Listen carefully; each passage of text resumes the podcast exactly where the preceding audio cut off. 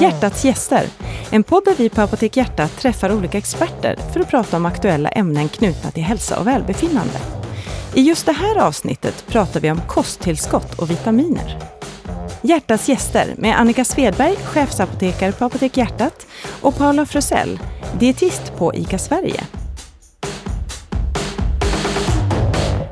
Hör du till dem som har stått vid apotekshyllan bland vitaminer och andra kosttillskott och funderat över om du borde komplettera din kost med någonting? Och i så fall vad av alla dessa tabletter, pulver och kapslar som just du skulle behöva? Ja, det här är du ju inte ensam om och det är ju mycket diskussioner just nu kring vad man behöver, om man behöver någonting och i så fall vilka doser.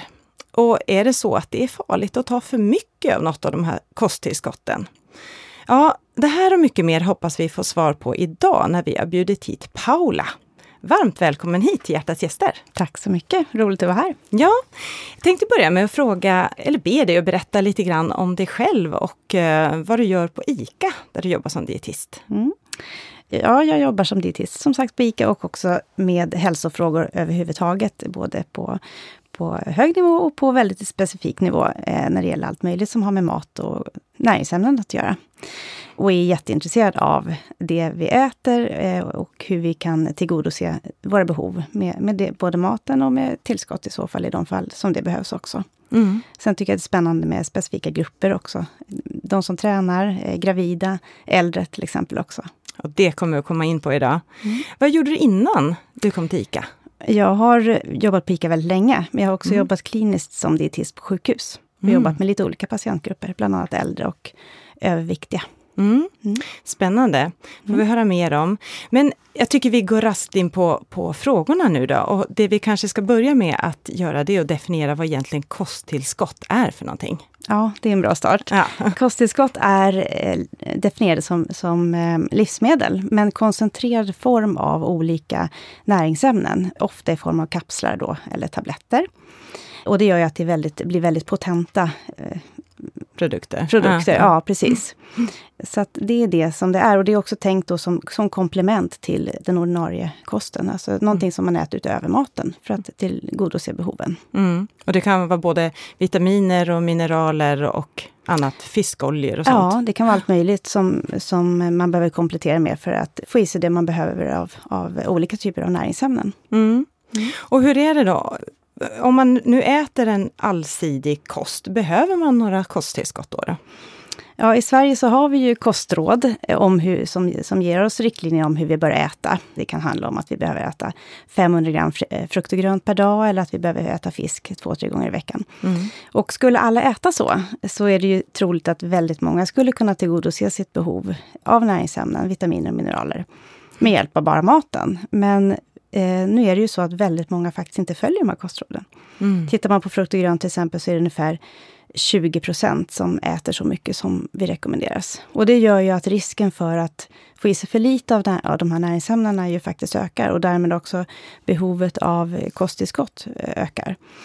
Sen så på våra nordliga breddgrader där solen inte visar sig allt för ofta, bortsett från den här sommaren, så eh, finns det behov av specifika saker, som till exempel i det fallet D-vitamin, som vi kommer tillbaka till lite senare också. Mm. Sen kan ju enskilda grupper också behöva tillskott, gravida till exempel, eller äldre.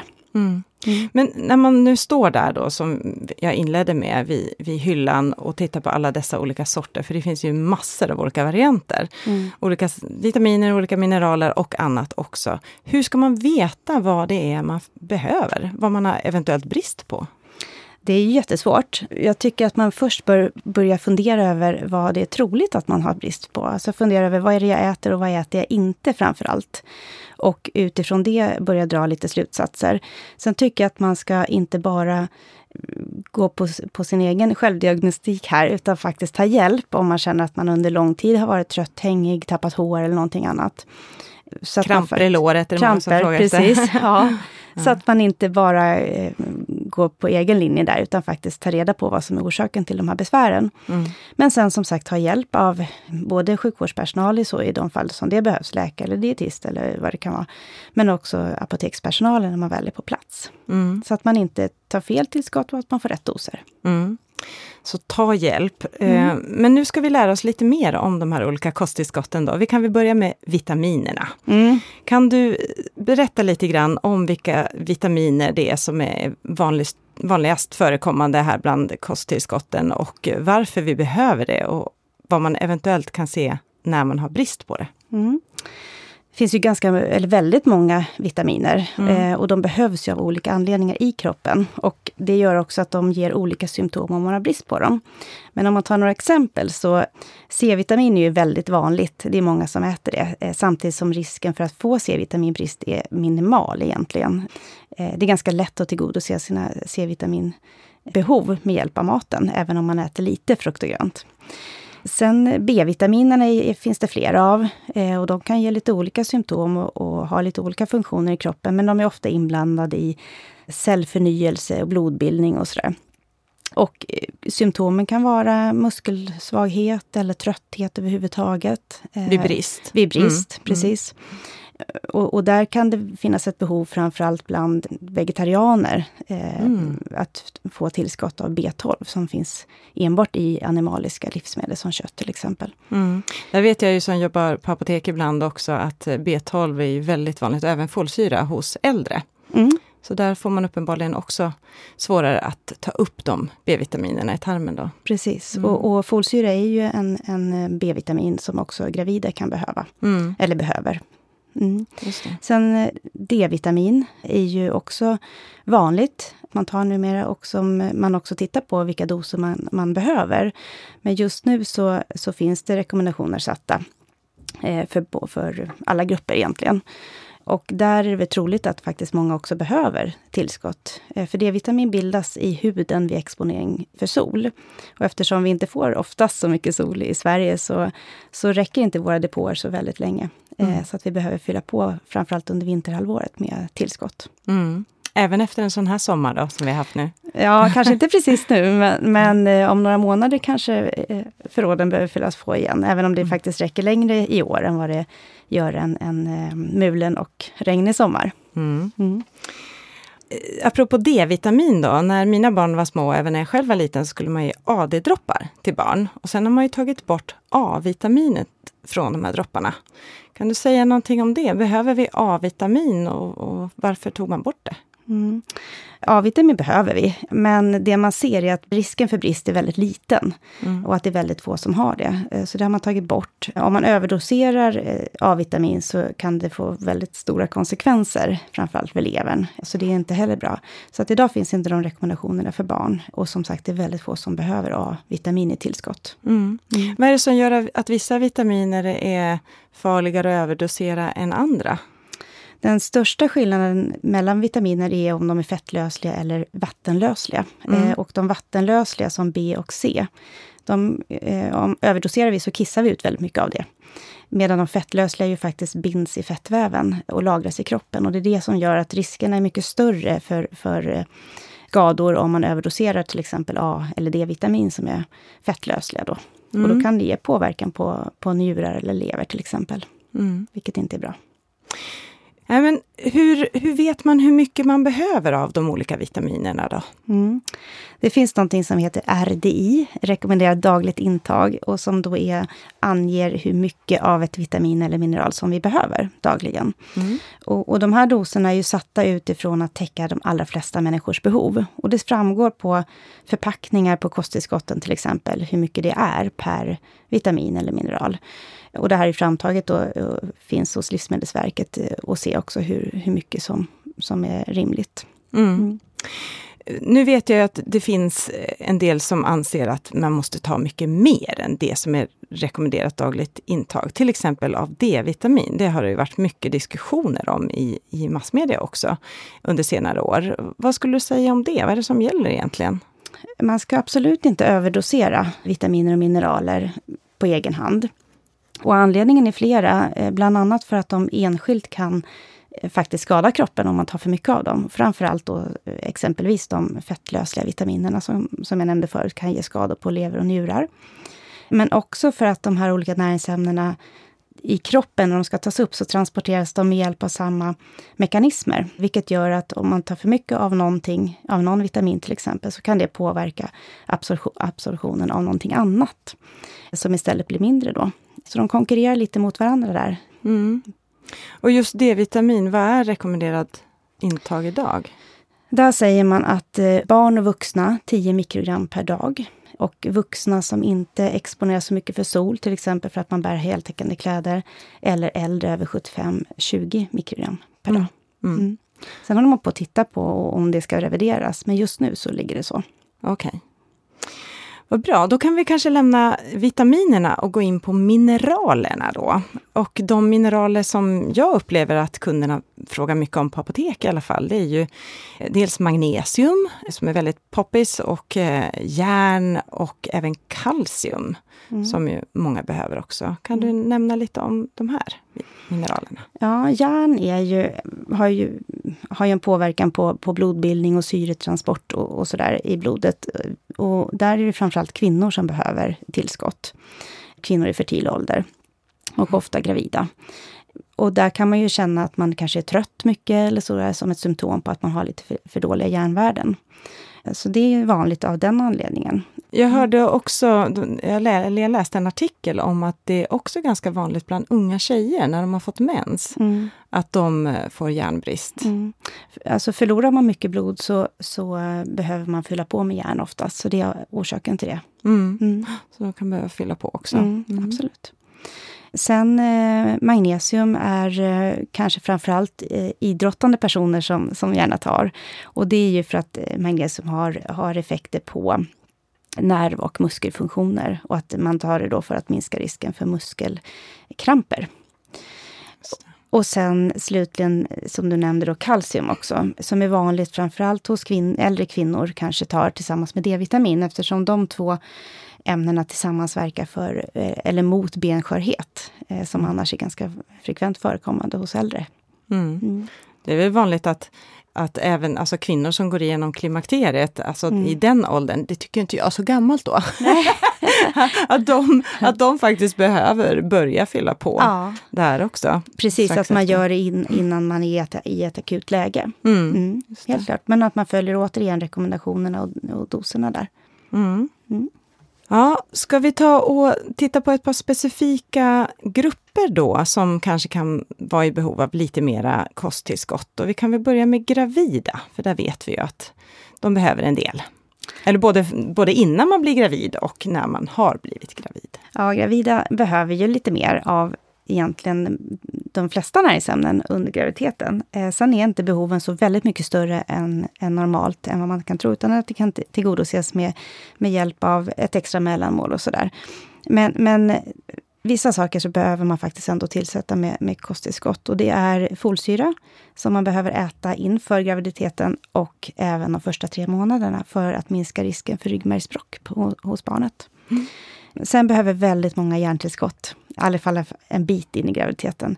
Men i och med att man mäter det väldigt frekvent hos barnmorskan så tycker jag att man inväntar hennes eller hans signal på att det är dags att börja ta tillskott, så att man inte tar det i onödan Just det. innan man behöver. Och följer den rekommendationen då som de ger? Ja, precis. mängd och så? Eh, ja, för mm. järntillskott kan ändå ha en del biverkningar och då är det onödigt att ha det i onödan. Mm. Vad är det för biverkningar som är vanliga? Förstoppning och diarré är mm. det vanliga. Mm. Mm. Påverkar magen. Det påverkar magen, helt klart. Ja, någonting annat kring gravida? Det kan ju vara att man dessutom äter på ett visst sätt, alltså att man undviker vissa saker, till exempel som gör att man behöver utöka med, med någonting ytterligare. Det kan ju vara att eh, en del äter ju inte fisk till exempel och kanske behöver omega-3-kapslar samtidigt. Mm. Är man vegetarian eller vegan så behöver man kanske tillsätta vissa B-vitaminer mm. också. Just det. Mm. Ja, det här med omega eh, mm. tänkte jag på när det gäller gravida. Där har det varit en del diskussioner kring att man behöver tillsätta det för att stimulera utvecklingen av barnens hjärna. Alltså vi vet ju att det, det är eh, någonting som, som kroppen använder vid utvecklingen av hjärnan. Mm. Så att, eh, jag vet inte om du vet något mer om studier kring det? Men...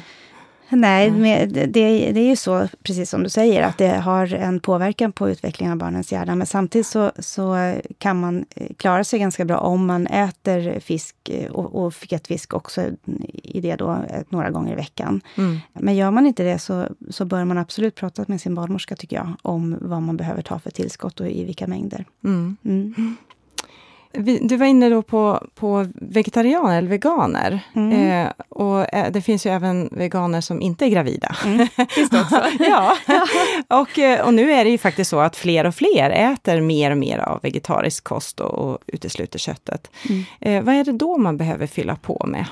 B12 är det som jag tänker på i första hand. För B12 är en vitamin som bara finns i animaliska livsmedel som kött till exempel. Så den finns det ju en risk att man inte får i sig i tillräcklig mängd, eller inte alls då, om man helt utesluter mm. animaliska produkter.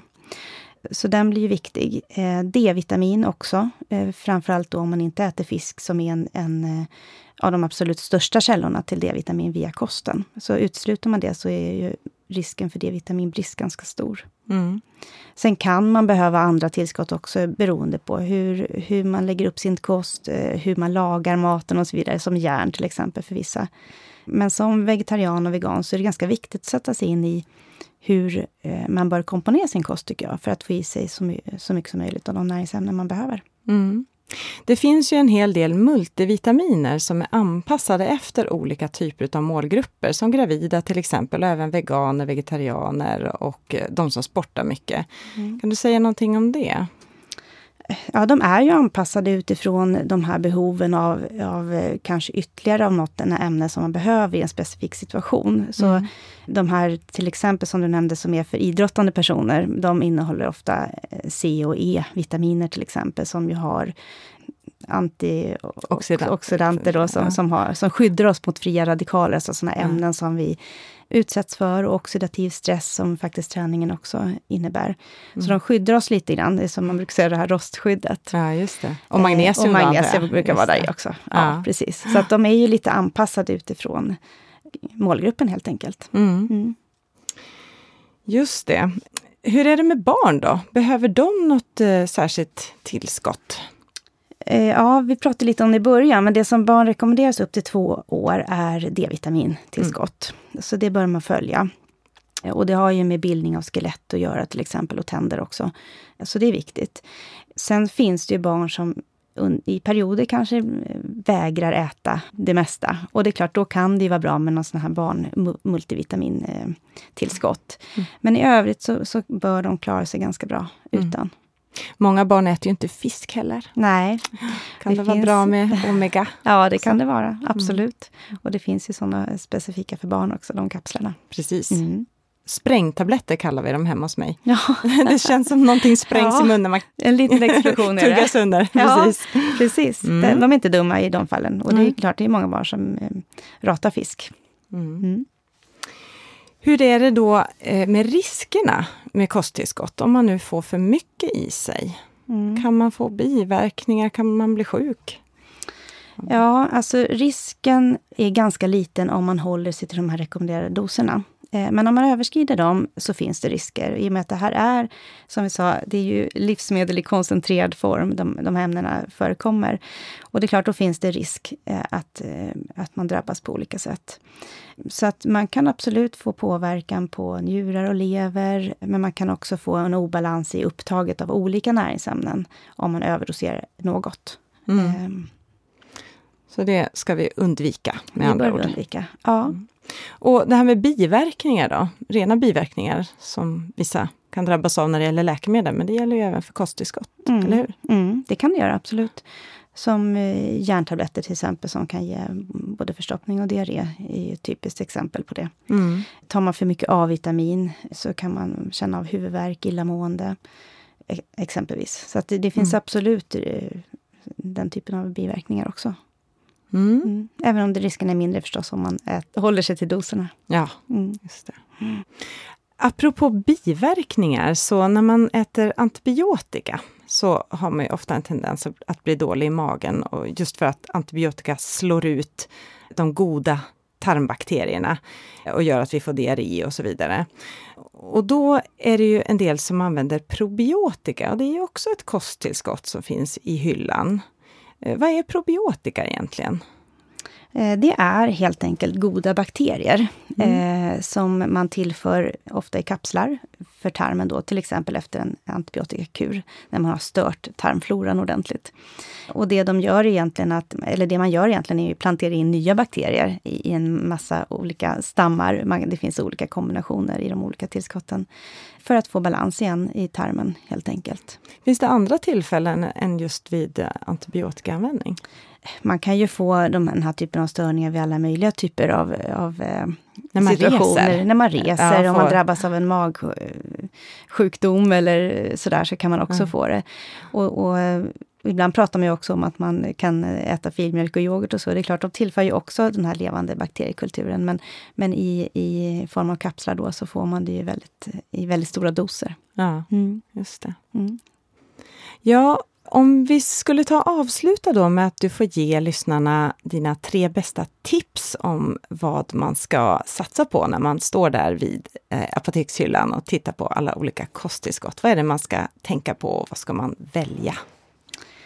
I första hand så tycker jag, som jag nämnde från början, då, att man faktiskt ska fundera över vad man verkligen behöver. Så att man äter bara det som, som man behöver och inte onödiga saker.